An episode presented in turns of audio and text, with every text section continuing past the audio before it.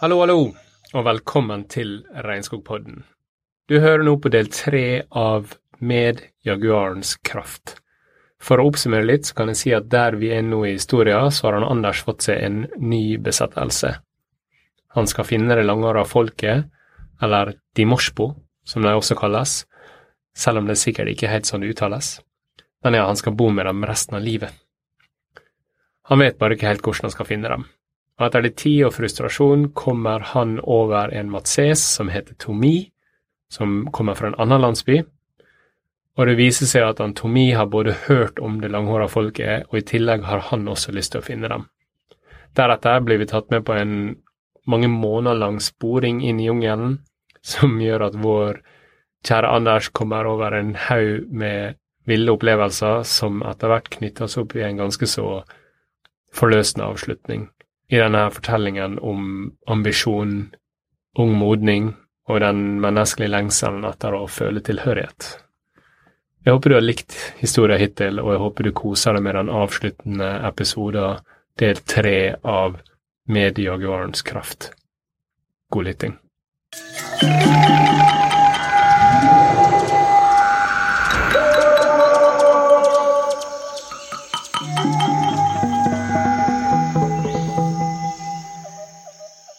Nå som du hadde fått et nytt mål i livet, tenkte du noen gang på hva det ville si, altså konsekvensene av å oppsøke et uh, ukjent urfolk? Nå har vi jo ikke kommet til dette, denne delen ennå, uh, men jeg leter jo etter uh, dette ukjente folket i mange måneder.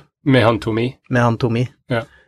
og jeg hadde hele tiden Det kom opp med ny og ne, så kom den opp, den derre følelsen, at den derre konflikten jeg hadde inni meg om at jeg hadde så utrolig sterkt ønske om å leve sammen med dette folket, og jeg var helt overbevist om at det var der jeg hørte til, samtidig som jeg, jeg visste jo at jeg utgjorde en fare for dem.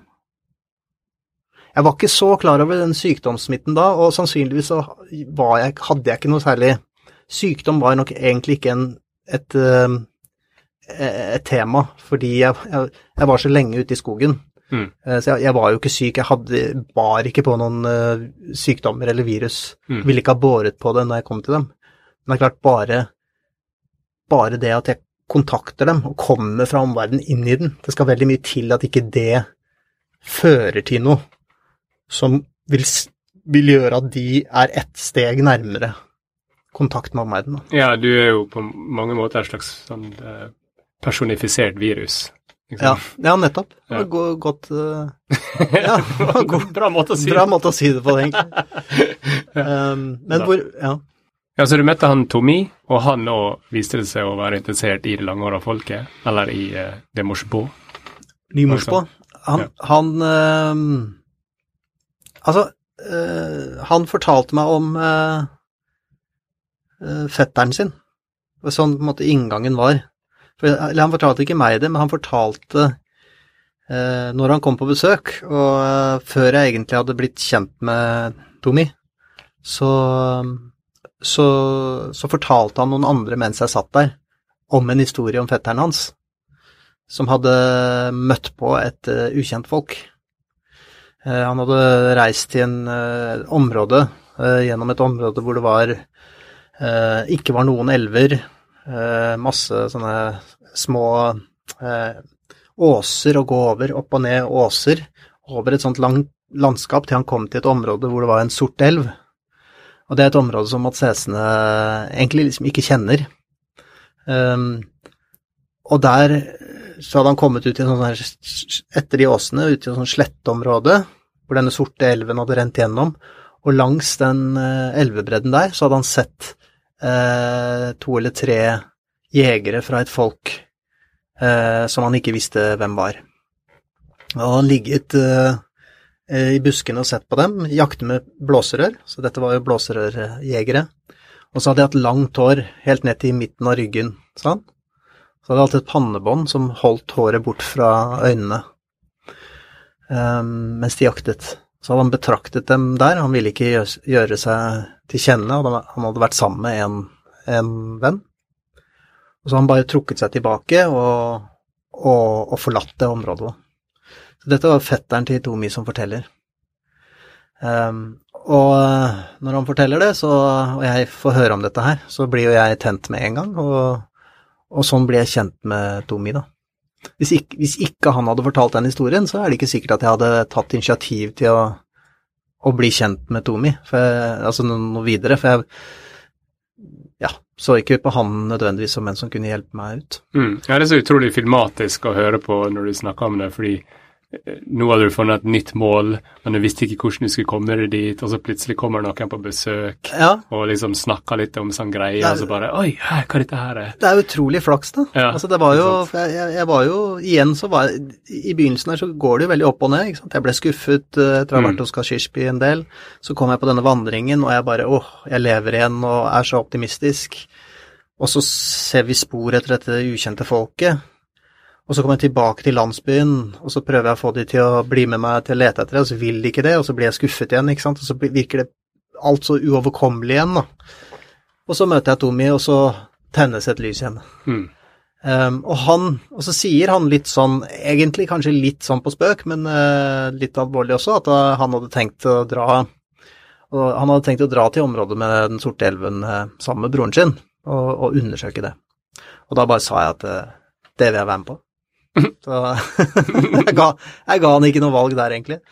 Så han var ikke så veldig vanskelig å bytte litt sånn, ja, vet ikke sånn, men det var ikke så vanskelig å overtale på det.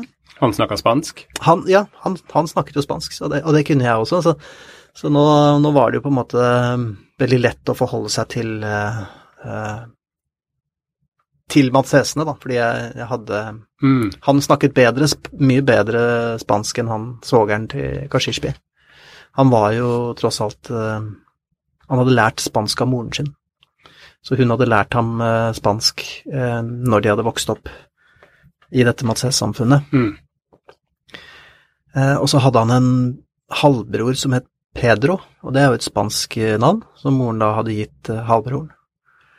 Og de to skulle til Den sorte elven. Det hadde de planlagt. For å finne Ja, fordi altså for det første så hadde jo altså han, han fetteren hadde jo skrytt av det området oppe i skyene. Det hadde vært sånn helt sånn fantastisk område med masse dyr og, og tapirer og ikke sant. Sånn, e, beskrevet en sånn eventyrverden, da. Og selvfølgelig dette langårete, ukjente blåserørfolket. Og dette Jeg hadde jo med meg et kart. Um, jeg, peilet inn sånn cirka hvor dette her var i forhold til Mats Esne, så det var jo, var jo eh, ganske langt stykke å gå uh, for å komme til Den sorte elven. Så det lå uh, rett nord for uh, Mats Esnes territorium. så jeg så jo at det ville bli en lang, en lang marsj, men altså, dette her var jo Hørtes jo så fantastisk spennende ut, og det var jo en mulighet jeg ikke kunne la gå fra meg. Så jeg blir med han, og da, da sier jeg ha det til Kashishbi og Chupidush og de andre, og, og, og forlater egentlig Kashishbi for godt. Uh, og, og, legger det bak meg, da. Var det trist? Uh, nei, ikke mer trist enn at jeg Altså, det, det, gikk helt fint, det. Det var ikke noe sånn det var ikke noe vedmodighet rundt det, for jeg var fortsatt så veldig på tur. så det var På tur. ja. Jeg var litt sånn Jeg var jo ikke Altså, jeg hadde jo ikke begynt å nærme meg målet enda engang, følte jeg nå. Nå var jo målet enda lenger unna mm. enn det jeg så for meg. Det er rart dette med mål. Ja. Men, men samtidig som jeg, jeg, jeg, må jo si at jeg hadde jo ikke endret mål. Målet bare, Det var bare mål Sier man målpost? Altså the goalpost, sier man på engelsk. Mm. Hadde flyttet seg. Ja. Men selve målet var fortsatt det samme. Jo, det er vel det som er eh, fella med å sette seg for mange mål og forventninger til målene sine, er at eh, målene endrer seg alltid når du når dem. Så når du har nådd dem, så er de, det er alltid en prosess. Ja, det sånn det er en prosess. Ja. At liksom for to år siden satt du ett mål, og når du er der to år etter, så er jo selvfølgelig mål noe annet fordi du er en annen person. Ja. Samtidig som jeg vil si at akkurat her så hadde jeg ikke endret Jeg hadde ikke endret målet, fordi målet mitt var hele tiden å, å, å, leve hos et folk som ikke var påvirket av vår verden. Mm. Den, den drømmen fulgte jeg jo fortsatt. Mm. Det var bare det at eh, jeg trodde at den drømmen lå mye nærmere i, en, og var mer tilgjengelig Mm. enn det den uh, viste seg å være, da. Ja.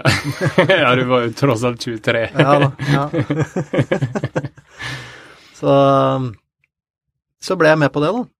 Eh, Så da ble jeg med til Tomis landsby, og han eh, Og det er Tomi er jo han eh, Mats Esen, og landsbyen hans, eh, det er jo der jeg er De er sammen med resten av mitt opphold i Amazonas. Og han, han bodde noen dager lenger ned elven ganske nærme grenseposten, faktisk. Så han, det, det som er pussig, var at han kommer jo fra en landsby som er som er, vi har kjørt oppover, og en landsby som er, var mye mer sånn Hakket mer kontakt med omverdenen og grenseposten enn det Kashishby har. Eh, Men det var der jeg, det var der jeg måte, tilbrakte mesteparten av tiden fra nå og fremover, da. Fordi det var der jeg fant eh, Jeg ble god venn med Tomi, og det var der jeg fant de menneskene som ville hjelpe meg lenger ute i skogen.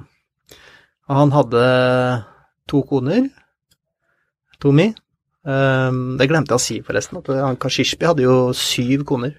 Så de Mm. har, de har veldig mange eh, de, Det er flerkoneri, og det, det er også en av, sannsynligvis, eh, en av grunnene til at det er mye sånn kvinnerøving, da.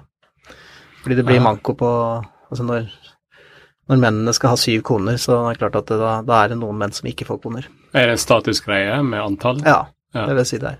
Okay. Statusgreie. Innenfor eh, den ene stammen, eller kan man sammenligne seg med en høvding i en annen stamme også? Ikke at de har høvding. De var ganske, jeg vil si at de var ganske stolte av å ha man, mange koner. Mm. Så jeg, uten at jeg vet det sikkert, så kan jeg tenke meg at det var, eh, var en sånn en hedersgreie i, i samfunnet generelt. At man, hvis du hadde mange koner, så var det Var det noen damer som hadde mange menn, da? Nei, ikke her. Nei. Så um, her var det ikke det. Det finnes andre stammer i Amazonas hvor de, hvor de har um, flermanneri. Mm. Hvor, eh, og hvor kvinnene er, er mer eh, på en måte er det, ingen, det er ingen, ingen samfunn i Amazonas som er sånn veldig hierarkiske og veldig sånn styrende ovenifra og ned. Men eh, du har noen samfunn hvor kvinnene har på en måte eh, på en måte litt mer makt enn mennene, hvor de Ja. blant annet er flere, de har flere menn, og kvinnenes eh, ord veier litt tyngre enn mennenes ord. Er litt mer matriarkisk. Ja. Men, litt mer matriarkisk. Ja, ok. Mm. Ok, men i hvert fall så forbereder vi oss på denne turen, da. Til uh, dette eventyrlandet som jeg har fått høre om. og da Og da eh, Vi forbereder, oss eh, et par ukers tid før vi legger i vei, og han eh, broren til Tomi Nei, hva sier jeg? Han eh, fetteren til Tomi Domi, som han heter. Det var veldig mange som het Domi, forresten. Okay. Og mange som het Kashishbi. Mange som, altså de, de, det er litt sånn som hos oss, hvor de, det er mange som heter Anders. Ja, ja. Så det er ikke sånn, eh, det er ikke sånn eh, hos Mads Esen at du får et navn som beskriver deg spesielt, eller noe sånt. Altså sånn, ikke sant? ja danser med ulver. Danser med ulver eller eh, Sitting Bull og sånn. Det ikke sånn da får alle sånn veldig sånn særeget navn som ingen andre har. Mm. Sånn er det ikke. De har, de har liksom eh, en 10-20, nei kanskje 20-30 navn. Eh, og og det, er- det er maks, og alle heter det. Ja. Det, så du får, får veldig mange som heter det samme. Uansett. eh, Skal gjøre klar Ja. reise. så vi, eh, vi Vi gjorde oss klar, det var ikke så veldig mye å gjøre det. Altså, det, det vi fikk beskjed om, var jo at eh, de første uh, tre dagene Det var liksom tre harde dags, dagsmarsjer, tre-fire dager. Uh, det, det var viktig at vi hadde med oss uh, Vi måtte bære med oss vann. Eh, fordi det var et sånn åslandskap hvor, eh, hvor, det ikke, hvor det var lite vann. Det rant ingen elver der. Eh, og det var lite dyr å jakte, så vi måtte liksom ha med oss eh, mat og, og vann. Og så når vi kommer over dette åslandskapet, så vil vi merke det med en gang at vi kom ut i, dette, i denne sorte elvens rike, som, som, det, som, som det ble kalt da. Eh, og vi, vi, la i vei, og vi hadde ikke med oss mye annet enn måtte, hadde med hengekøye og eh, noen macheter og pil og bue. Jeg hadde med spydet som som jeg fikk av, av enten Kashishpi eller Chupidosh. Um, og la i vei, og vi gikk og vi gikk og vi gikk, og det var jo helt riktig. Vi kunne følge stien til uh, han fetteren til, til Tomi, så vi fulgte den stien. Um, og opp og ned og opp og ned, og det var varmt og slitsomt, og det tok ikke lang tid før egentlig Det var, var ikke så veldig mange store trær, eksempel. Det uh, altså det var kanskje sånn 20 meter høye trær, men du hadde ikke disse 40-50 meter høye trærne. Eh, så det ble litt mer sånn åpen skog og veldig varmt og ingen elver. Så det stemte på en prikk, det. Og vi gikk over disse her ene dagen, andre dagen, tredje dagen, og så gikk vi fire dager og hadde fortsatt i dette her eh, åslandskapet. Tolv timer om dagen? Ja, bare gikk og gikk eh, hele dagen. Eh, dere spiste da? Liksom kjøtt? Ja, røkt, røkt, kjøtt hadde vi med, og, og maniok. Ja. Um, og så var det var noen sånne enkelte bekker i ny og ne vi klarte å, å, kunne ta litt vann fra, altså, men det var veldig lite vann der. Mm. Um, du var litt sånn på kjøttdietten, du? Når det ja, var veldig mye kjøtt? Veldig mye. Altså, akkurat på disse turene her så var det mye kjøtt. Eh, I landsbyene så er det mye fisk også. Okay. Uh, men de er absolutt uh, kjøttbaserte samfunn. Ja. Det er det. De har denne manioken, og en, en del Matses har også uh, bananer i forskjellige former, og noen frukter som de dyrker, men ellers så er det kjøtt det går i. Mm. Kjøtt og fisk. Kan jeg bare stanse deg og spørre, ja. Eh, jeg vet hvorfor du ville finne dem, mm. men hvorfor ville dem, var dem så opptatt av å finne dem? Altså, de var, de var øh, altså sånn genuint nysgjerrige på, okay. på, dette ukjente folket. Og, og, og Tomi, han var veldig sånn han var en sånn øh, øh, Han var veldig ambivalent til det livet han levde nå, og i kontakt med omverdenen. Han fortalte meg at han, han hadde for, liksom foreslått for konene sine og familien sin at de skulle gå ut i skogen igjen og liksom altså bare, bare flykte ut i skogen igjen og, og leve der, da, og mm. ikke eh, Men de ville ikke det, da. Så han hadde liksom ikke, så det er tydelig at han hadde en dragning mot det. Og så er det bare en ren og genuin nysgjerrighet. Mm. Uh, oppdagertrang, rett og slett, altså. Uh, som lå til grunn. Så det var jo Og det var jo helt supert for meg, det. Ja. Uh, og så hjalp det jo helt sikkert at jeg At jeg var så gira på dette her, og kom utenifra og var så gira på å gjøre dette her, så det hjalp jo sikkert, det også. Men i hvert fall så så følger vi den stien, da, som, som krysset. Um, uh, og det var det, det var det jeg som foreslo. Og så følger vi den litt, kanskje noen timer, og, og jeg, jeg, som jeg sa i sted, liksom disse stiene som de lager, da.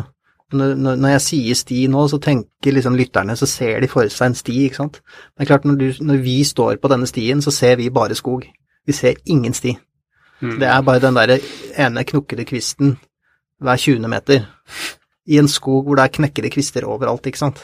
Naturlig.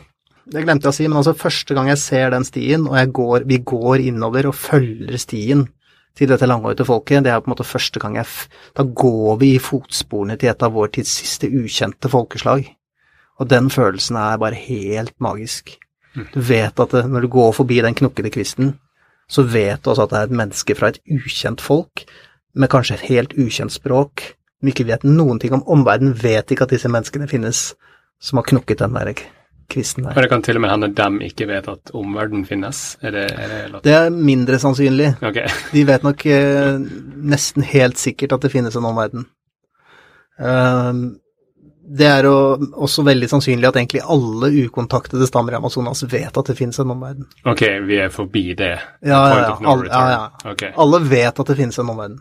Ok, det, det kan vi nesten sikkert si. Kanskje, ja.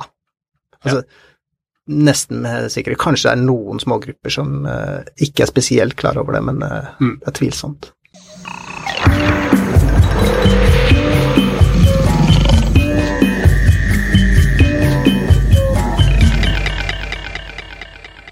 Så vi var altså tre forsøk eh, i Den sorte elvens rike. Og så på fjerde ekspedisjon, det var Etter de tre gangene så, så ga vi litt opp. Da tenkte vi litt sånn Det var da det var litt sånn oh, Finnes de Uh, Hva skal vi gjøre? Vi vet ikke. Etter dette Hvor mange måneder var det til sammen? Nei, altså til sammen så eh, det, før, Da snakker jeg om de fire første. Vi dro på 50 sammen. Det var, jo nesten, det var jo nesten et år, over et år, at vi gjorde dette her.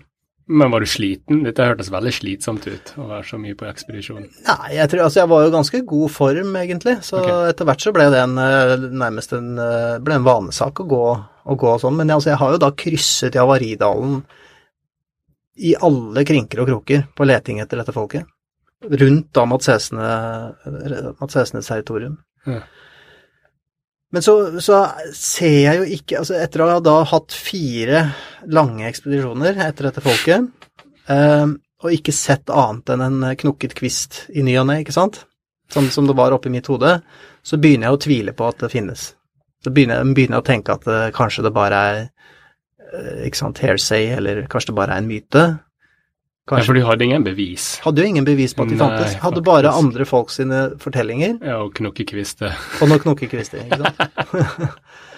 Eh, og jeg var jo som besatt av dette folket. Eh, og så, på fjerde ekspedisjon, det var Etter de tre gangene så, så ga vi litt opp.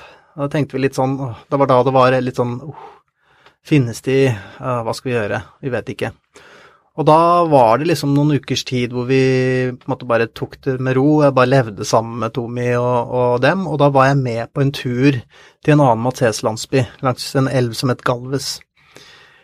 Og der ble jeg fortalt en historie om eh, det langårige folket som hadde prøvd å røve noen kvinner fra en gruppe Matses som hadde vært på en fisketur helt i de øvre delene av, av, av Javari og, og Galves. De går sammen helt øverst. Og det hadde skjedd, altså hvor lenge det var siden var ikke godt å si, men det virket som det ikke var så lenge siden da. At eh, de hadde blitt angrepet, men de hadde ikke klart å få med seg noen kvinner, men de hadde prøvd på det da. Og da liksom tentes eh, gnisten igjen. Og da var det ikke sant, la oss dra til øvre Javari. Det er jo over, det er jo opp til Kashishpi, og det er liksom enda lenger opp da. Altså en uke eller to lenger opp ovenfor Kashishpi, eh, hvor dette hadde skjedd. Så da drar vi på den fjerde ekspedisjonen dit. Eh, og når vi kommer der, forbi Kashishbi lenger opp, eh, noen dager lenger opp, så plutselig så ser vi en sånn en eh, landsby på Altså, og det var ikke en Matses-landsby, det var liksom en, en, en ganske ny, nylig lagd landsby med masse tømmer liggende nedenfor. Hvor det var peruanske, vanlige peruanere som bodde. Og, og litt lenger opp så, så ser vi sånne svære, svære traktorspor som, som går innover skogen. Um, og da er det jo Følger vi disse Da, da legger vi på en måte blir vi jo litt sjokkert, og så legger vi på en måte leting etter langhårete folket litt på is, og så følger vi dette traktorsporet uh, innover. Og så er det jo storstilt uh, tømmerhugst der, da. Så ser vi alle, sant, alle de store trærne er, er hugget ned. Det går forbi sånne svære stubber som eh, er hugget ned, og det er traktorspor liksom, på kryss og tvers i dette mm. området her, da. Og så går vi videre, og så ser vi en eh, sånn liten eh, Ser vi en åpning i En liten åpning i skogen. Litt, da har vi gått litt vekk fra dette traktorområdet. Vi følger en sti. Ser vi en åpning i skogen, og så, og så er det noe som er plantet der, da. Og så skjønner ikke Tomi og Pedro hva det er. Jeg skjønner ikke helt hva det er, jeg heller. Selv om jeg begynner å få en mistanke, da.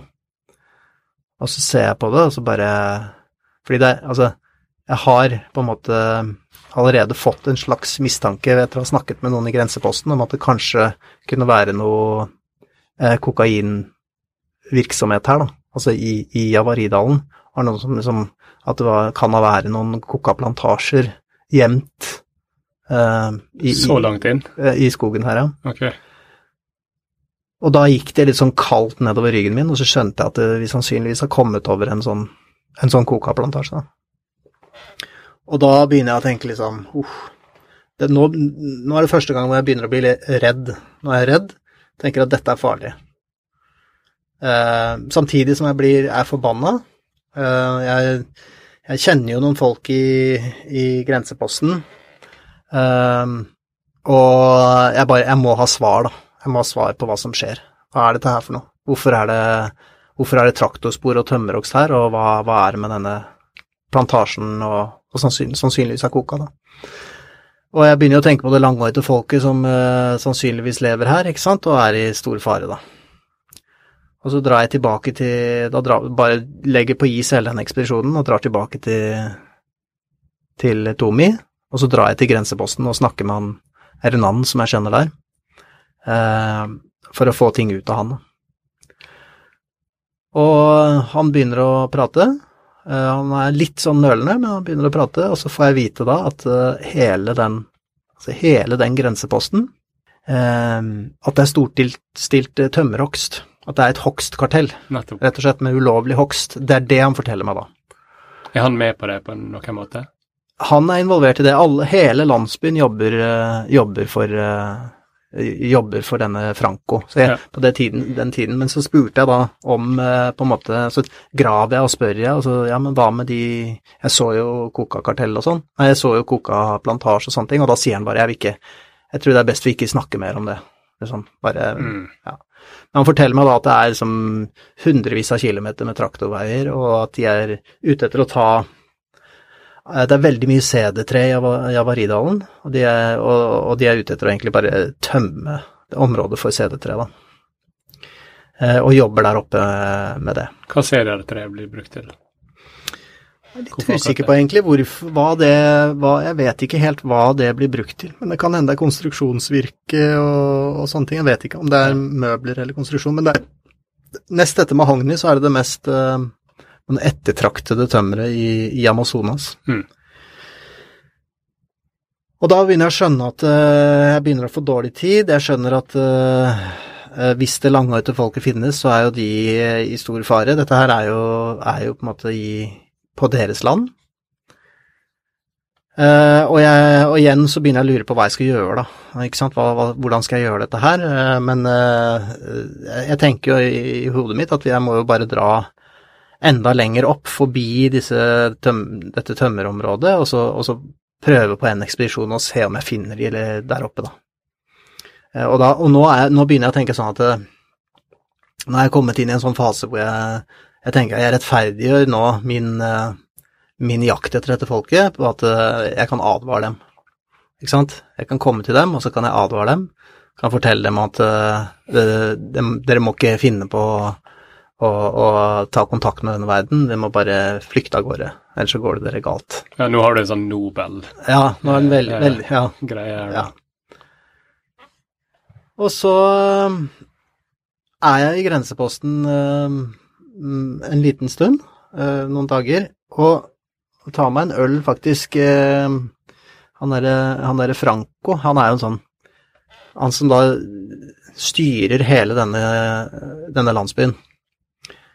Eh, og som skal vise seg å være en eh, kokainleder, altså en kokainbaron, rett og slett. Eh, han har en, det er han jeg har kjøpt bensin og båta og, og, og, sånne ting, og, og, han har en sånn liten kafé hvor jeg kan kjøpe noe øl og sånn. Så sitter jeg der og drikker og, og tar meg en øl, og da kommer det no, to, to tømmerhuggere bort til meg, altså to arbeidere, to, to fra landsbyen, da. Og så sier de til meg at uh, liksom, ja, jeg hører du leter etter det langhårete folk og, og, sånn, og uh, vi vet hvor de er, sier de. Og deres historie er at uh, før Franco kom til Avaridalen, etablerte seg der, så hadde de vært på en sånn rekognoseringstur langt oppover Javari, helt til de øverste delene, for å se om det er mye verdifullt tømmer der, da. Og da hadde de lagt fra seg båten langt der oppe, og så gått eh, langt innover skogen over mot et annet elvebasseng som heter Tapiche. Eh, Og for det første så så de at det var masse CD3, så de hadde jo gode nyheter sånn sett til Franco. Men når de hadde kommet da over på andre siden eh, til en elv som heter Blanco, som betyr hvit, eh, så hadde de kommet over spor etter, eh, etter eh, det, et ukjent folk. da. Dette her var ganske nære, på en måte. Dette er ovenfor Kashishbi, og, og det virket som om det var i det området hvor disse denne Matses-gruppen hadde blitt angrepet av, av det langhårete folket, da. Og så sa de at uh, de kunne vise meg hvor dette var, da, og følge det. Og, så, og der de hadde sett en sti, en sti som de hadde kunnet følge, hadde sett spor og alt mulig, men de hadde ikke turt å følge det, og bare, de hadde bare gått tilbake. Og det, selvfølgelig, det, det de skulle ha betalt, da, så jeg husker ikke hvor mye de skulle ha, men de skulle ha liksom, et par hundre dollar eller noe sånt der for å, for å ta meg dit, og det, og det ble jeg med på. Men jeg ville ha med meg Tomi og Pedro på dette her, da. Så da la vi, la vi vei oppover, og Tomi og Pedro ble med. du, du stolte på dem? Jeg stolte på de. Altså, jeg bare Jeg så det som en anledning. Mm. Uh, og jeg, på den tiden der så var jeg egentlig bare sånn Jeg tenkte ikke sånn veldig Jeg vurderte ikke så veldig mye sånn for og mot og kan det være farlig og sånne ting. Jeg var Mm. bare så veldig fokusert på at uh, jeg måtte finne det folket, Mm. og det var den muligheten jeg hadde. Uh, ikke sant? Dette her var jo Dette var oppgaven i livet mitt nå. Det var liksom ikke noe Det var ikke noe tema å ikke gjøre dette her. Um, og så Ja, så kjører vi oppover. Um, planen var at de skulle De skulle på en måte vise oss stien og bli med oss litt innover, og så skulle de dra tilbake uh, og vente ved båten, kan du si. Mens vi ville følge, følge stien innover. Så kom vi opp til stien, og det var riktig som de sa, ikke sant, og deres, deres egen sti, altså, den gamle stien, det er jo sånn, de lager jo sti ved å hugge seg av vei med machete, ganske ganske grei, å, grei å følge. Og vi fulgte den helt til vi kom til denne stien til det langhårete folket, sannsynligvis var det langhårete folket, og da gikk de tilbake, og så fulgte vi den videre. Og da er vi kommet på en måte da er vi på, da er vi ikke lenger i Javari, vi er i Javaridalen, men vi er på en måte ikke, da er vi kommet til et annet elvebasseng da, som heter Tapiche, på peruansk side dette her. Og så følger vi den stien innover, og, og, og den, den stien etter hvert, den blir så stor at til slutt så er det, dette er et område, dette er noe helt nytt, dette er ikke lenger knokkede kvister, dette er åpning i skogen sti. Og det er, du ser, og når du kommer til gjørme, så ser du føttene, barfot, ikke sant, mange, at de har gått, og det er liksom ikke noe tvil. Det, vi har kommet til en sti som vi kan følge. Eh, og det var mye som tydet på at det var ikke noe her som eh, de prøvde å, altså det var ikke noe de prøvde å gjemme seg for her. Her, her var de. Og vi fulgte den stien innover, og vi ser, eh, ikke sant, eh, flettede palmesekker eh, liggende igjen. Vi kom til, etter hvert så kom vi til en liten leir med noen sånne enkle palmehytter. Og der lå det dyrerester, ikke sant, knokler etter villsvin og sånn. Og det var som første gang jeg virkelig bare så sånn konstruksjon som disse hadde laget. Ganske sånn enkle gapahuker av, palme, av palmeblader. Og, og det går opp for meg da at, eh, at de finnes, da. Det er ikke Dette er liksom ikke en myte, men de finnes faktisk. Så, så da setter vi oss ned, og så lager vi en plan, eller liksom bare fordøye det vi, det vi opplever. Um, og så blir vi enige om at jeg og, og Tomi, uh, vi skal gå ehm, Vi skal gå, ikke, ikke følge stien, vi skal gå på en måte og lete etter dem i, gjennom skogen uten å lage sti, bare for å nærmest litt sånn inspisere litt, da. Det, det er planen vår. Det var egentlig en helt, helt tullete plan, men eh, det, det, er det, vi, det er det vi tenker at det var lurt. Um, så da, da drar jeg og Tommy, eh, vi har ikke på oss noen ting, Uh, og han går i skogen Ikke shorts engang. Nei, helt nakne. Vi vil ikke Flipflops. Eh, Jeg har på meg sandaler, faktisk, det har jeg. Ja. Har på meg sandaler hele tiden. Har du på deg den uh, magestringen? Nei, Nei. ikke. Jeg måtte spørre. Ja. uh, og så um, og så går vi, og så går vi hele den morgenen, hele ettermiddagen, uh, og han lager da ikke sti. Han, er, han forsikrer meg om at det, det går helt fint, han kan, han kan, navigere seg. Og så litt sånn på, på, ettermiddagen så begynner han å bli litt sånn febrilsk. Altså sånn, han begynner å bli litt sånn urolig i måten han går på. Og så merker jeg at han begynner å gå litt frem og tilbake, og begynner å se seg rundt og sånne ting. Og det pågår en halvtimes tid. Og jeg liksom spør ham hva skjer, hva skjer, hva skjer? Og så helt til han stopper opp, og så bare Har du gått deg vill? Mm. Og så er det bare Jeg tror det. Og, da, altså det var, og det som skjedde da, var at det, fra eh, det ene øyeblikket så var jeg i et paradis av en skog, som opplevdes som et paradis, til på, i løpet av et halvt sekund så var det helvete. Altså da, Jeg hadde et helt annet syn på alt jeg så rundt meg. Det var ikke lenger noe vakkert her. Det var, det var, her var det bare stygt og skummelt og jævlig. Mm. Fordi plutselig var det bare en, som en sånn klam jernhånd som bare skviste deg innover, da. Den, den, den følelsen som jeg fikk da. Mm. Han har gått oss vill. Han, har, han vet ikke hvor han skal. Og vi går altså da hele hele den ettermiddagen og leter han, Det han prøver, han driver og prøver å, han prøver å finne en, liksom en, en elv, altså en bekk. Så han, hvis han finner en bekk, så kan han prøve å navigere seg til den, da. Men finner det ikke, og, og vi går, og, og, det blir mørkt. Og når det blir mørkt, så er det ikke noe vits i å lete lenger. Da, da er det bare å sette seg ned. Vi, og du kan tenke deg det blir mørkt sånn i halv seks-seks-tiden, kanskje sekstiden, så er det helt mørkt. Og da blir vi sittende der altså, eh, godt oss vill, midt ute i verdens største regnskog. Eh, sitter rygg til rygg hele den natten og bare venter på at det skal bli morgen. Nakne. Nakne. Vel, full av uh, full, av, full av adrenalin, vil jeg si, da. Uten å sove et sekund. Bare vente på at lyset skal komme for, å, for, at vi skal fortsette å prøve å finne veien dagen etter. Det er jo en av de ja, en av de absolutt verste nettene jeg har hatt i mitt liv, da. Var, da du tror jo at uh, du, din siste time er kommet. Fordi det blir så overveldende. Det der å gå seg vill og liksom bare ikke ane Skal jeg gå dit? Skal jeg gå dit? Skal jeg gå dit? Skal jeg gå dit? Det er en sånn, helt sånn du blir, du blir helt lamslått av det. Ja, og det er ingen eh, Du kan ikke ringe redningshjelpen. Det er ingen Det er ikke så veldig mange å, det er ikke så veldig mange å søke hjelp hos uh, der. Og så Så blir det lys, da. Og så når det, når det blir lysnøkt nok til å lete videre, så, så reiser vi oss opp og er sånn stive og støle og går videre. Og, og så går det par, den formiddagen der, så, så går, det, går det et par timer, og så finner han en elv. Og så, og så følger han den elven. Vi følger den elven nedover.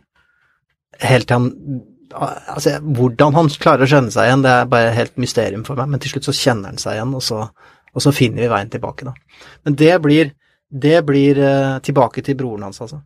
Så vi, det ble på en måte re rekognoseringsturen vår, så vi, det ble ordentlig sånn mislykka forsøk, men uh, uh, så er det en, en ganske så og verdt å nevne, for det er bare Altså, det er en av de En veldig sånn skjellsettende opplevelse, det òg, egentlig. Å ha opplevd eh, at regnskogen er så skummel og så og så lite trivelig, da.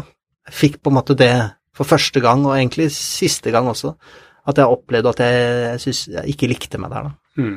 Ja, naivitet er jo et sånn bærende tema i den boka her nå.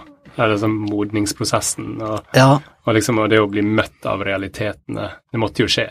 Det måtte jo skje, samtidig som det var jo en litt sånn dum avgjørelse både av Tomi egentlig, og at han skulle gå i skogen uten å lage sti. Men han, det er klart at han mente selv at han, det klarte han lett og hadde gjort det mange ganger. Så mm. det er klart, de kan jo ta De kan jo Av og til så går det gærent med dem òg, selvfølgelig. Ja. Mm. Hva du tenker du nå om eh...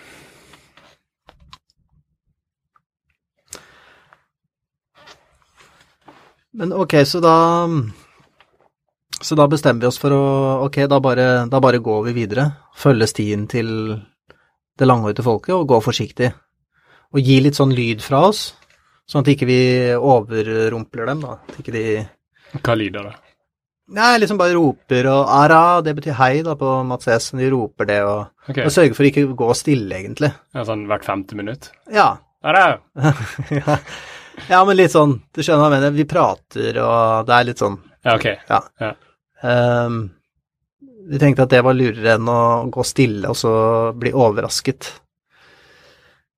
Og vi følger stien, og den blir større og større, og det tok ikke lange tiden før vi Vi var jo rett i nærheten av en bosetning, og, og Tomi liksom stopper opp og bare peker frem og sier at nå kommer vi til å komme til en bosetning.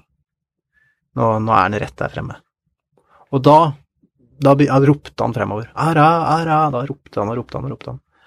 Og det gjorde jeg også. Så gikk vi stille videre fremover, men vi gikk stille og rolig, men vi bråkte på en måte. Og ropte innover, men det er som ikke noe reaksjon. Og så kom vi inn, og så åpner, åpner stien seg opp, og så kommer det frem da i, i skogbunnen. Så ser jeg sånne, sånne små, sånn tube, lave, kanskje sånn halvannen meter høye, sånn tubelignende gjenstander eh, i, i skogen. To sånne som går i sånne tuber, eller sånne halvtuber, ja, sånn, hva heter det? Ja, ha, halv tube. Halfpipe. Ja. Ja. Opp ned halfpipe? Ja, nei. Nei. Ja, altså du kan tenke deg et, med et rundt tak, da. Ja. Av palmeblad, palmeblader som er bare pakket sammen i, sånn, i en sånn rund konstruksjon. Mm. Men sånn rund og avlang konstruksjon. Sånn tubelignende konstruksjon. Ehm, som, som jeg ser eh, helt klart er menneskelagd, og at det er, eh, er til å sove i, bo i. Ganske sånn forseggjort, så det ut som, da. Og, men ser ingen mennesker. Og går, og bare går inn i den landsbyen og ser oss rundt. Og det er klart at vi, det er jo det er en ganske sånn intenst øyeblikk. For nå går vi jo inn Den der lille bosetningen vi hadde sett før med den der gapauken, det var ikke noe sånn at vi følte at det kunne dukke opp folk når som helst der. Men nå følte vi det. Nå var det veldig sånn intenst. Og nå tråkket vi inn i deres verden, for å si det sånn. Og, og, og jeg følte at de kunne dukke opp hvor som helst, da. Så ser vi ingen, og så er det ikke noe lyd. Og det er åpenbart at om det er noen her, så er det veldig få. Og det er kanskje de gjemmer seg et sted eller noe sånt noe. Og jeg, da går jeg, går bort til en sånn åpning i en av disse tubene og, og roper inn liksom ara, ara. Bare hei, hei, hei. Og så, og så går jeg inn, da. Inn i den, inn i den hytten. Og ser inn der, og, da, og det, det ser da, for først så ser jeg at det, disse tubene, som jeg kaller det, de er veldig forseggjorte. Altså det er en ordentlig sånn flettverk av um, det, det taket, og med ordentlig sånn der rammeverk som er bundet sammen, og det er hvor, det er et sted hvor de har bodd lenge. Det er ikke bare for en natt, dette her. Men du merker at det er en helt annen type arkitektur enn hos Matsesene, f.eks.? Det er helt, helt annerledes. Ja. Altså, eller, altså uh, Til og med annerledes Altså, det er, det er annerledes hytter enn de der jakthyttene deres også. Mm. var lavere. Og altså, jakthyttene til Mats Hesene, de er lagd av palmeblader som går fra bakken oppover veggene og over taket, så det er som fullstendig dekket av palmeblader. Det er på en måte ikke vegger, markerte vegger og tak. Tak og vegger går i ett. Det var det her òg. Men de var mye større. Du kan jo stå oppreist i de, i de eh, jakthyttene til Mats. Det kunne du ikke her. Her måtte jeg stå, her måtte jeg bøye meg. Eh, Være krokbøyd når jeg gikk inn, og det var ingen sted jeg kunne stå oppreist. Og så hang det en sånn liten hengekøye inni der, og det var, så gikk jeg bort, det var ingen der. Så, det, jo, utenfor, det glemte jeg å si, men utenfor uh, hyttene, imellom dem, så lå det masse sånne lange, sorte, harde pinner, så, sånne som er liksom to-tre meter lange. Uh, og det fortalte Mats Esen at det, det, er det, det bruker de til å rense blåserøret med. Så- Så det var ikke noe tvil lenger om at dette her var eh, i hvert fall blåserørfolk, og, og sannsynligvis det langhårete folket. Så lå jeg inn, gikk jeg inn der, og så så jeg så var det et bål der. Det var, lå Det lå ved ved siden av bålet, så klar til å brukes. Det lå i sånn stabel ved siden av bålet. Og så så det røkte litt av bålet. Så gikk jeg bort, og så så jeg det var glør i bålet, og var varmt i bålet. Hm. Og da er jo, ikke sant, og da var tanken ok, er de ikke her nå, så kommer de jo snart. Og her har de jo, har de jo nettopp vært. Um, og så henger det et spyd oppi taket. Uh, sånn, et sånn kort spyd som ligner egentlig på det Mats Hesene har. Uh, som veldig sånn forseggjort det òg, med sånn surret sammen med, med sånn palmetråd og så bivoks. Og, og det spydet tok jeg med meg, faktisk, så det har jeg. Det har jeg hjemme. Mm. Uh, men ingen, ingen folk, da. Ingen mennesker. Og vi sjekker det andre huset, og det er ingen der, da.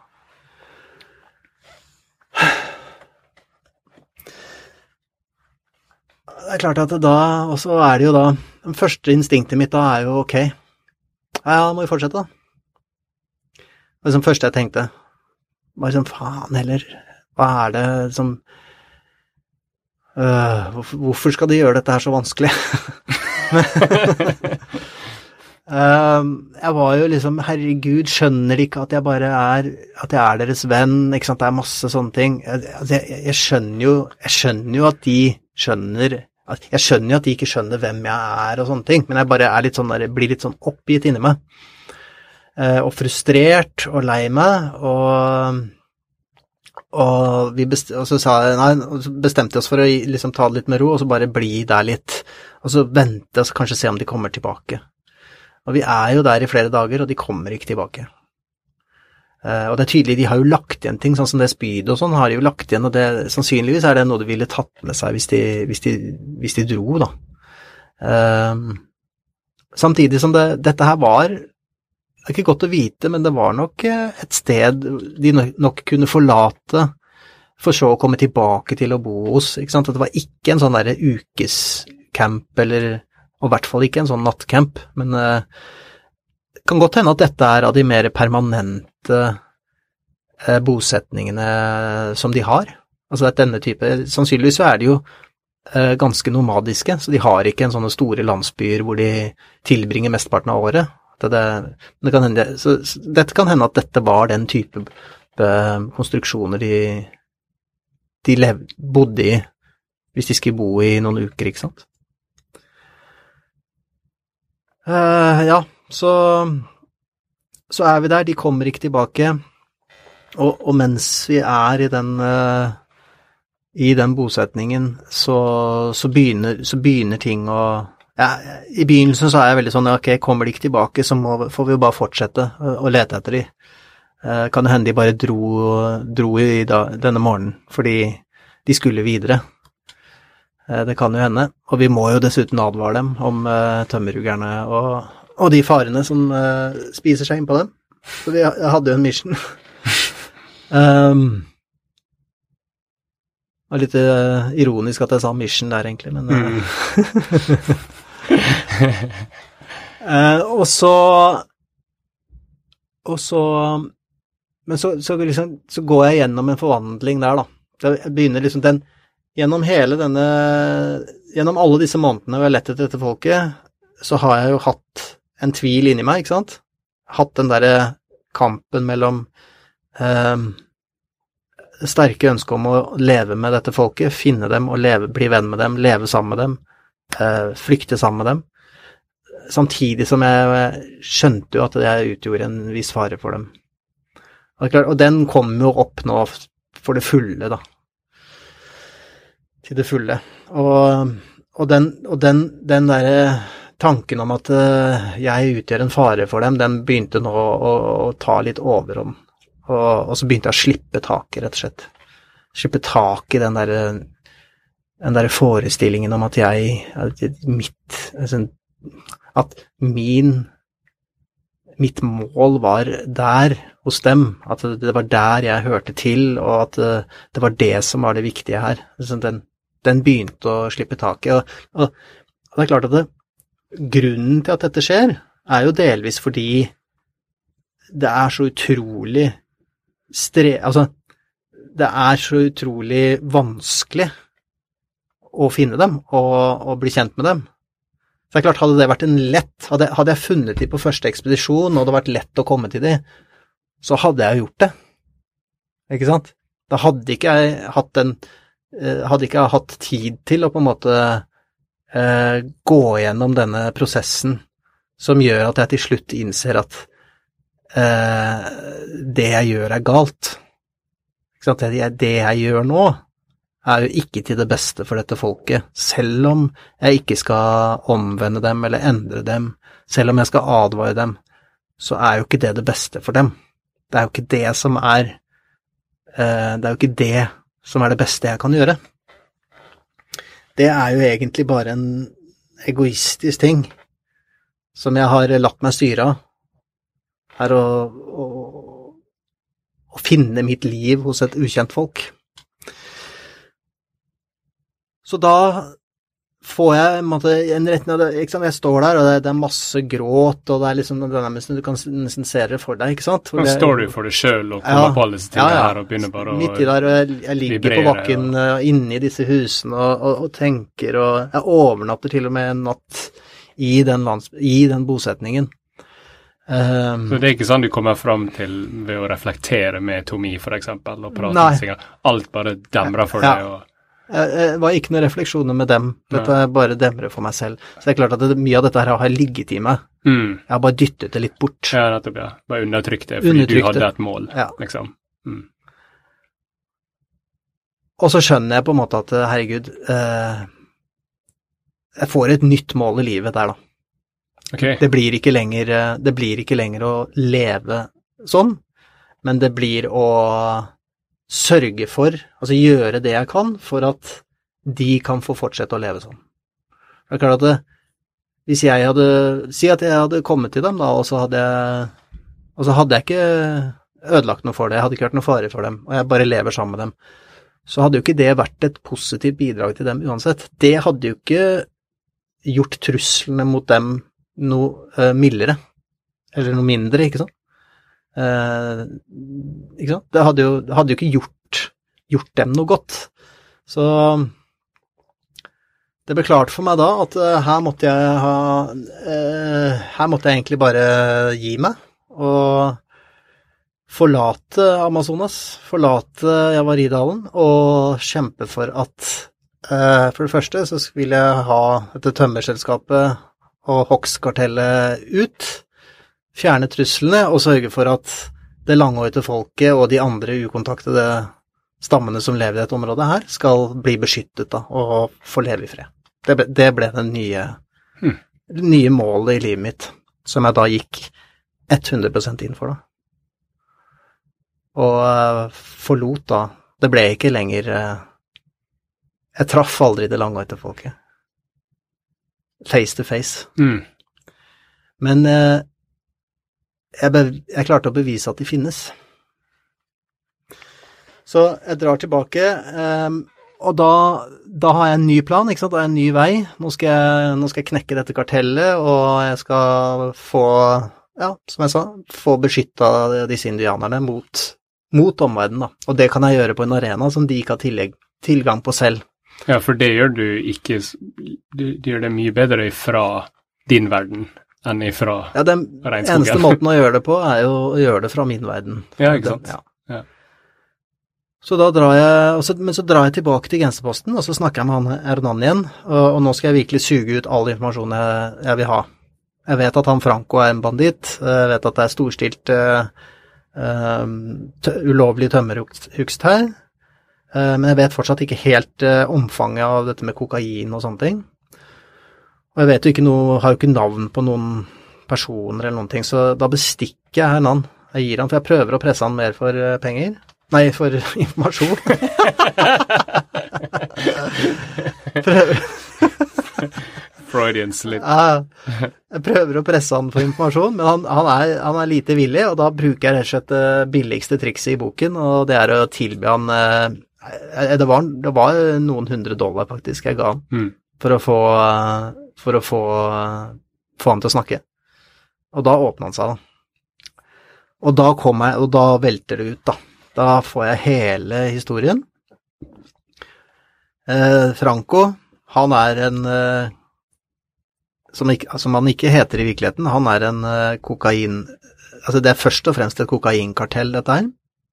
Og de har masse kokaplantasjer langs hele Javari, både på peruansk og, og brasiliansk side.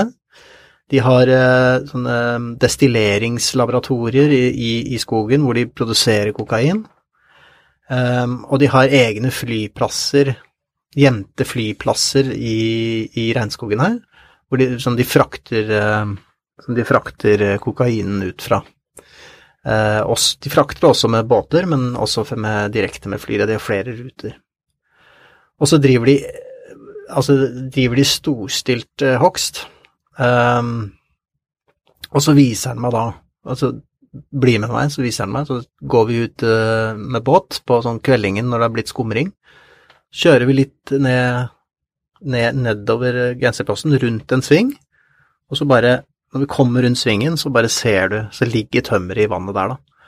Så, og da bare Det ligger altså tømmerstokker, altså digre tømmerstokker. Vi snakker om liksom én meter brede stokker, kanskje en og en halv meter brede stokker, eh, som ligger da i ja, si ti meters lange og én til en og en halv meters brede tømmerstokker ligger sidelengs, kan du tenke deg, nedover elven. Altså, og vi kjører da båt forbi dette her, og det er bare endeløst. Det er endeløst med trær som ligger og flyter nedover elven, som de har hugget fra de langvartes eh, land. da. Og han sa det at det, det ligger ca. 8000 trær nedover her. 8000 trær. Det betyr at det da er, si, kanskje 10 kilometer. Altså en mil med rekke med trær som ligger, som de har hugget. Og dette får jeg tatt bilde av.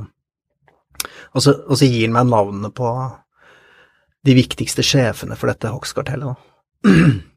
Hogst og, og litt, litt, sånn uvisst for meg egentlig om eh, Det er det fortsatt. Disse navnene jeg fikk, en av de var jo en ordfører fra, fra en, Jeg tror det var fra Pokalpa, en, en peruansk by. I hvert fall en ordfører fra en sånn middels stor peruansk by var med på dette her. Eh, litt usikker på om de var med på kokainbiten også. Det, det, har jeg ikke fått greie på i ettertid. Men, men, det de gjør, er å De rett og slett hvitvasker eh, kokainpenger med ulovlig hogget tømmer. Så du kan hvitvaske én uh, ulovlig virksomhet med penger fra en annen ulovlig virksomhet. Det er faktisk mulig i Peru. Mm. Uh, fordi det er klart at det, selv om de hugget mye trær, så, så er det ikke veldig mye Det er ikke sånn at uh, i forhold til kokaininntektene, så er jo ikke tømmerinntektene det er noe å snakke om. Det var, det var nærmest et sånn skalkeskjul. Sånn type sånn tømmerhogsten skjuler litt den andre virksomheten de egentlig driver med, da. Mm. Men det fører jo allikevel til enorme ødeleggelser. Um, og, og Mats Hesene var jo fortvilet over dette her, de, de, og de fortalte meg jo, ikke sant, om uh, når eh, de hadde, ikke sant, først kom misjonærene, uh, så kom så Etter at misjonærene hadde på en måte passifisert dem, først kom oljeselskapene, de klarte vi å kaste ut. Så kom eh, tømmerhuggerne, de klarte vi å kaste ut.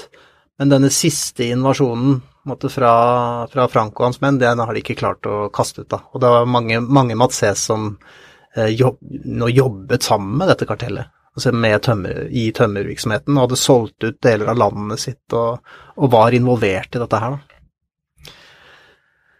Som jo er forferdelig trist. Eh, I hvert fall så fikk jeg disse navnene. Eh, på, og hadde bilder, og hadde historien.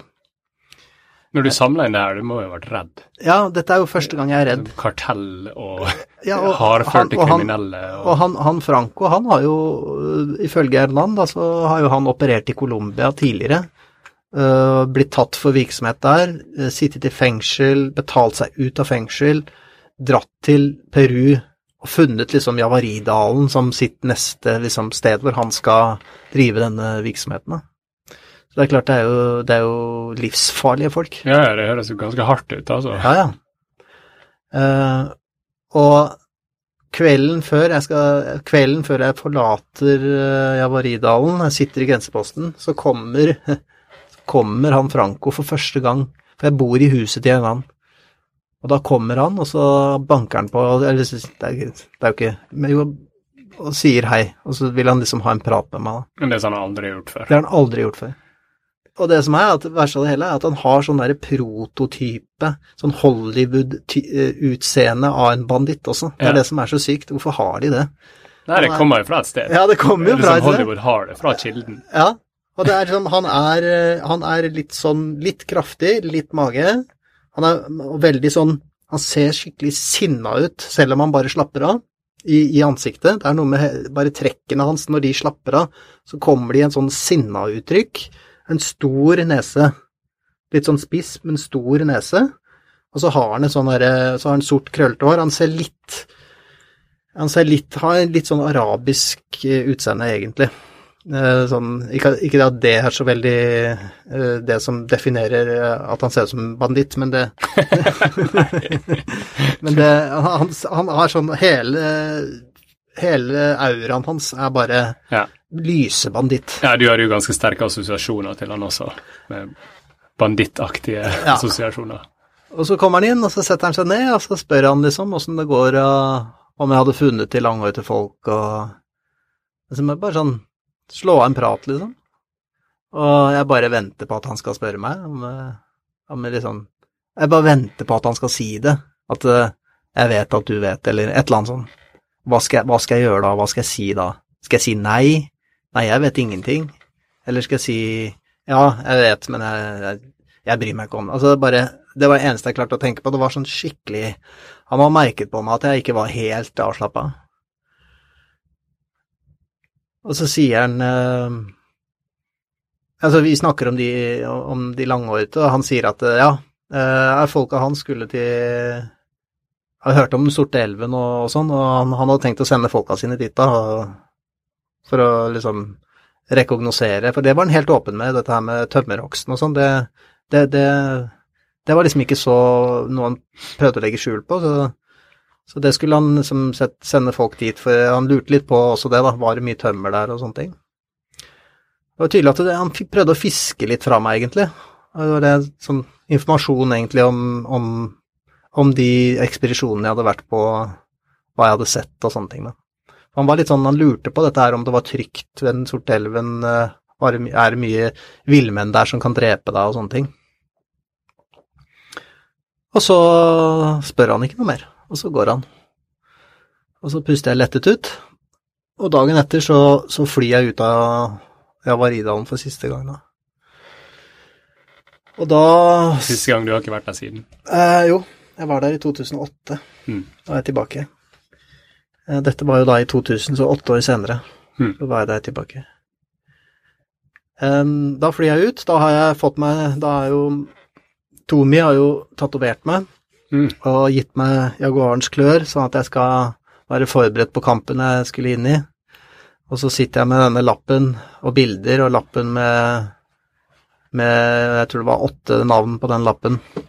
Og så drar jeg til Iquitos. Og der hører jeg med Altså, han, han Det motellet jeg bodde på, der var det en Han, han, som drev det, het Alcides. Utrolig hyggelig kar.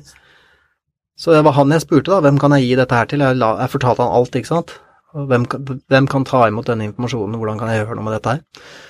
Og han som eh, foreslo da Han bare sjekket litt, og så foreslo han da et eh, institutt som heter eh, JAP. Instituto de Investigaciones de la Amazonia Peruana. Det er sånn eh, Studieinstituttet for peruansk Amazonas, heter han sånn. Mm.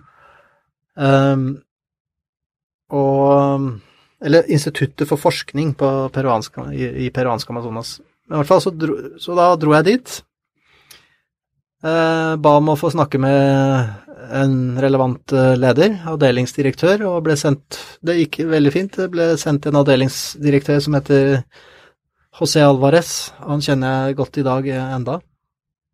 Og da, bare, og da legger jeg ut Jeg legger bildene ut, gir han eh, liksom navnene, navnelappen, og forteller han hele historien om både ukontaktede folk, det langårete, kokainbaron, kokainkartell, tømmerhugst, alt. Og han blir bare helt sånn Ok. Han, han, og han og jeg, jeg var veldig sånn i tvil om Vil han tenke at jeg liksom driver Altså, vil han ta meg seriøst eller ikke? Han tok meg seriøst med en gang. Jeg sendte denne informasjonen inn til, til Lima. Det er sånn Japp er sånn de har hovedkontor i Lima, og, og, og så har de alle sånne regionskontorer ute i jungelbyene i, i, Amazonas. Og så kontaktet han en, en journalist. Uh, han, og han journalisten også, han, uh, han har også hatt mye med å gjøre i etterkant. Jeg har glemt navnet på han. Men uansett, uh, og da ble det store oppslag i eh, peruansk presse med bilder og intervju med meg og sånn. Jeg, jeg, skjønte jo at jeg liksom Jeg satte meg jo litt sånn laglig til hugg, så jeg var jo Jeg var litt sånn der jeg tanke, tenkte litt liksom Er det trygt for meg å gå ut med dette her? Men eh, det var på en måte Nå var det dette jeg skulle, så jeg måtte bare gjøre det. Eh, jeg kunne ikke liksom la være å gjøre dette her. Uh, og han, han José Alvarez, han, uh, han, fortalte meg at uh, ja, det, er, det, er, ikke bare bare. Han jobbet jo med Han jobber aktivt med å bevare Amazonas. og Han har fått motorsykkelen sin ramponert, altså sånn, rett og slett sånn drapsforsøk, hvor de har ødelagt bremsene på motorsykkelen hans og sånn. Så det er, det er ville tilstander. Hmm. men det, de gikk bra, åpenbart, da. Men Så han kjørte da uten bremser? uten bremser. Krasja? Og bare plutselig Oi, dæven, her funker ikke bremsene og krasja. Oh, ja. Så gikk det, gikk det, bra, da. Okay. Uh, så det ble store oppslag. Um, mens du var i Norge? Eller? Nei, dette var mens jeg var i, i, i, i Peru. Det, det, oppslaget kom med en gang. Oh. I løpet av noen dager. Med bilder eh, av, av, av tømmeret og liksom fortellingen og alt sammen. Og så altså, når jeg viser han den lappen, så sier jeg meg herregud, her er det jo mange kjente altså, liksom Blant annet liksom ordfører og sånne ting, da. Det var liksom bare Som er involvert i dette her. Så er jeg kanskje Jeg er, eh, er en uke eller to i Kitos før jeg flyr tilbake til Norge. Og i løpet av den tiden så, så lager jeg et prosjektforslag sammen med han José Alvarez, og skriver et prosjektforslag eh, som jeg ville få eh, ville søke penger til for, eh, som går ut på da å, å opprette så svært indianerreservat i hele peruanske delen av Javaridalen. Ikke sant? Eh, bare sånn for å, et, et, reservat som skal da bli satt av til eh, de ukontaktede indianerne og, og, og bli beskyttet. Det var det prosjektet gikk ut på. Med kart og liksom ja. Du er fortsatt 23-24 år gammel her nå? Ja. Når du gjør det? Ja, nå er jeg vel jeg bare tenker meg om. Jeg har blitt 24, ja. ja. Mm. Um, og, så, og, så, drar jeg til Norge med det prosjektforslaget. Og så um, skjer det noe når jeg kommer til Norge, så uh, går det kanskje noen uker. Jeg kommer hjem til Norge i midten av mai, vel, og dette her var vel kanskje sånn i juni en gang. Så ser jeg på Dagsrevyen, og så, så, er det altså en reportasje fra Peru, hvor det er da en, eh, en eh, Det er på NRK Dagsrevyen, husker jeg, hvor det er da en operasjon i Amazonas. Blir, de rapporterer om en eh, operasjon i Amazonas, spesialoperasjon, ut i regnskogen for å sprenge et kokainkartell. Og jeg snakker jo med han José Alvarez i ettertid og får bekrefta at det er, det er operasjonen som eh, på en måte, Det er en operasjon som ble sendt ut pga. den informasjonen jeg hadde gitt. Og det, og det, kartellet ble jo sprengt da. Det ble tatt ut. Og så ble det etablert et, eh, så ble det etablert et eh, hogst et sånn hogstforbud i hele, hele dette området. Ti eh, års hogstforbud, da. Um, men da, da, ble det kokainkartellet altså sprengt. Og du er sikker liksom, De må ha visst at det var du? En, uh, Franco. Det er jo naturlig å tro det. ja, det, det veldig, var jo ganske rett etter Ganske rett etterpå, ja. Liksom kanskje fem-seks uker etterpå. Å, oh, herregud. Ja. Så du det over skuldra og slike ting? Nei, jeg, var, altså, jeg, jeg, var, jeg tenkte Altså, i Norge var jeg ikke noe redd. Ok. det tenkte jeg ikke på. Jeg tenkte på de andre jeg hadde møtt, litt sånn Hernan og sånne ting. Ja. Eh, men jeg, jeg var jo veldig betenkelig med å dra til Peru eh, i, i tiden etter det. Det var jeg. Uh, så jeg, dro- jeg dro jo ikke tilbake til Peru før fire år etterpå. Okay. Ok. Um, eller tre-fire tre, år etterpå. Men da hadde jeg i hvert fall dette prosjektet som jeg søkte penger til. Uh, og Jeg skal ikke gå så veldig i detalj på det, men uh, det ender jo med at eh, Det ender med at dette her eh, Jeg er jo, har jo, er jo i kontakt med Regnskogfondet og kommer med dette prosjektet til, til Lars Løvold og presenterer det for han, og, og blir veldig godt tatt imot der. Og de, de blir begeistret for dette og har lyst til å, å har, lyst til å få til dette her, da. Og um, det ender med at vi til slutt um, um, At vi til slutt jeg hopper over egentlig en litt sånn essensiell del her, fordi jeg, får ikke penger til dette prosjektet, så, øh, og Regnskogfondet har jo ikke frie midler, så det var ikke sånn at de bare kunne putte penger inn i et sånt prosjekt. Eh, selv om det ble lagt inn som en del av TV-aksjonssøknaden på den tiden. Mm. Men nå fikk vi aldri den. Eh, så drar jeg tilbake til Peru eh, tre år senere, i 2000 januar 2004. Januar-februar 2004.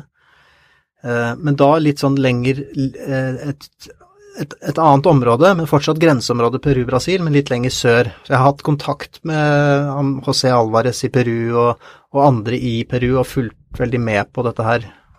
Fulgt med på dette her eh, fra eh, utenifra, og drar da til et annet sted hvor det var rapportert om eh, konflikter mellom ukontaktede urfolk og tømmerhuggere.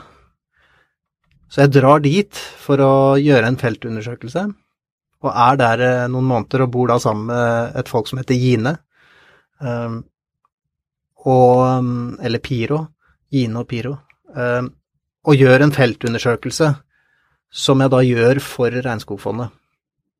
Eh, hvor jeg finner ut av liksom, um, situasjonen for isolerte urfolk i dette området, og kartlegger litt aktører i Peru, hvem det kan være mulig å samarbeide med og sånne ting på dette prosjektet. Og da Og det, den turen eh, gjør jeg for Regnskogfondet, og når jeg kommer tilbake da, så legger vi inn en søknad til Sting. Eh, altså Sting har et sånt fond eh, som det går an å søke penger til, for å implementere, begynne å implementere dette prosjektet som jeg som jeg hadde kommet hjem med, da. En, en, en samme type liksom, Prosjektet hadde blitt noe annet, men det var på en måte den, den eh, det arbeidet, for å videreføre det arbeidet og sette det i gang. Og det fikk vi penger til, og, og siden har jeg jobbet i Regnskogfondet med dette temaet, egentlig. Mm. Og liksom prikken over i-en, kan du si, um, den kom i 2017. Det tok ganske lang tid, men siden har vi jo jobbet med urfolksbevegelsen i, Peru for å dokumentere eksistensen til isolerte urfolk. Man må dokumentere at de finnes for at eh, man skal kunne beskytte dem. For hvis ikke de finnes, så har de ikke juridisk, eh, da er de ikke juridiske personer, og staten kan ikke beskytte noe som ikke finnes. Ehm, så vi har dokumentert at de finnes. Vi gjennomførte Vi betalte for eh, eh, studier som fikk bekreftet at det langhårete finnes, at de har i hvert fall fem andre nabostammer som lever uten kontakt bare i Peru. Eh, også dette området lenger sør har vi gjennomført eh, studier og fått bekreftet at det bor en rekke eh, isolerte eh, urfolksgrupper, og fått opprettet reservater. Um, men i, i Javaridalen så kom gjennombruddet da eh, i 2017. Eh, det er da 17 år etter at jeg kom hjem fra Javaridalen med fortellingen om et langhåret folk. Så tar, det tar altså 17 år, så anerkjenner staten Peru at det folket finnes. Og det var, eh, det var, det var stort å oppleve. Fikk på en måte Det var første, kan du si, sånn Første sånn derre kapittel jeg fikk lukket, selv om ikke det er helt lukket, for det er fortsatt en kamp, men Mm. jeg fikk på en måte lak, lukket det kapitlet. Det langhårete folket er eksisterer. Og, og staten Peru anerkjenner dem som et folk i Peru. Mm. Og fortsatt er de ikke kontaktet. Og når de anerkjente det, i desember 2017, så er det, eh, eh, så er det lovfestet at eh, beskyttelsesreservat skal opprettes. Og der står vi nå. Så det reservatet er fortsatt ikke opprettet, men det er lovfestet at det skal opprettes. Nå bryter peruanske myndigheter på en måte tidsrammene. De utsetter det, og, og så tidsrammene burde vært opp, opprettet innen et halvt år etter det. Men det er fortsatt lovfestet at det skal opprettes, så kampen står nå om, eh, om størrelsen på reservatet. Um, og så i mellomtiden har jo peruanske myndigheter utstedt hogstkonsesjoner i dette området, som de gjør masse ulovlig, som det, er helt ulovlig. Som vi har, eh, vi har rettssaker på gang for å få fjerna disse og sånn. Men, men eh, den første på en måte milepælen er oppnådd.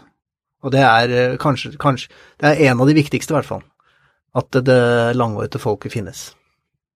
Når du har holdt på i så utrolig mange år, hva er hemmeligheten til å opprettholde engasjementet? Du sa det nå 17 år før du får den første virkelige bekreftelsen på det du Den- begynte med i 2000. 17 år på Jo, men tenk deg hvor, altså, tenk deg hvor stort det er, da. Altså, hvis du ser, det, ser det i forhold til det man oppnår Du, du oppnår at um, La oss sette det i perspektiv, da. For det første så oppnår du at helt ukjente mennesker blir anerkjent som, som eksisterende. Og det, og det oppnår du ved at uten at man kontakter dem. Altså, Mm. eh, det er jo en så stor ting. Altså jobbe 17 år for en sånn ting er jo egentlig Altså det er lenge, det burde ikke tatt så lang tid. Det burde tatt uh, fem år, maks. Men tross alt, eh, sett i perspektiv på hvor unikt og stor Altså unikt det er, så er det 17 år eh, piece of cake å bruke på det. Mm. Og disse territoriene til disse uh, indianerne er jo enorme. Og altså De reservatene, da, disse, når vi får beskyttet alle disse områdene, så snakker vi om uh, størrelser som er liksom like store som eh, altså middels store europeiske land, som vi får beskyttet med regnskog. Ikke sant? I, I et sånt område så, så lagres det karbon, eksempel, i, i, i, i planter og, og trær. Så lagres det karbon i et av disse områdene som tilsvarer som 30-40 år av Norges årlige totale utslipp. Vi snakker om sånne Mm. Det, det, det er så stort. Og det er eh, Det er eh, lett å opprettholde engasjementet for det, selv om det tar litt lang tid. Du, du kunne aldri trodd som 23-åring at den reisen ville ha et så stor nedslagskraft Jeg hadde aldri trodd det. Jeg hadde aldri trodd det.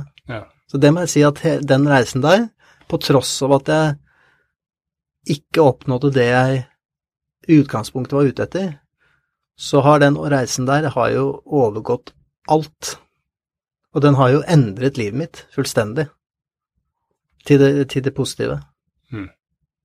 Anders, det har vært en glede å sitte her og høre på, og ikke minst få ta del i historien din ved å bare kunne skyte inn spørsmål og kommentarer der jeg følte for det.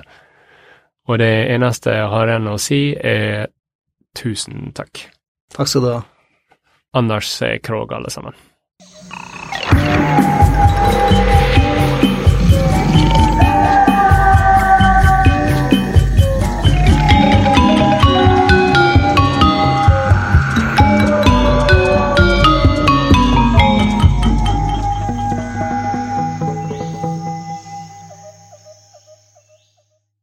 Hvis du fortsatt hører på, så betyr det at du mest sannsynlig har vært gjennom alle de tre premiereepisodene av Regnskogpodden.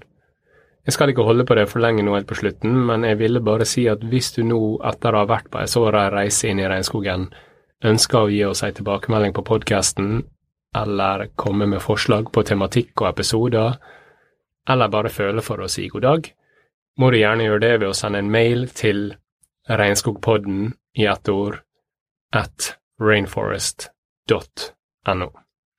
Neste episode slippes om to uker, hvor jeg skal prate med Regnskogfondets far og aller første ansatt, Lars Løvold. Vi høres.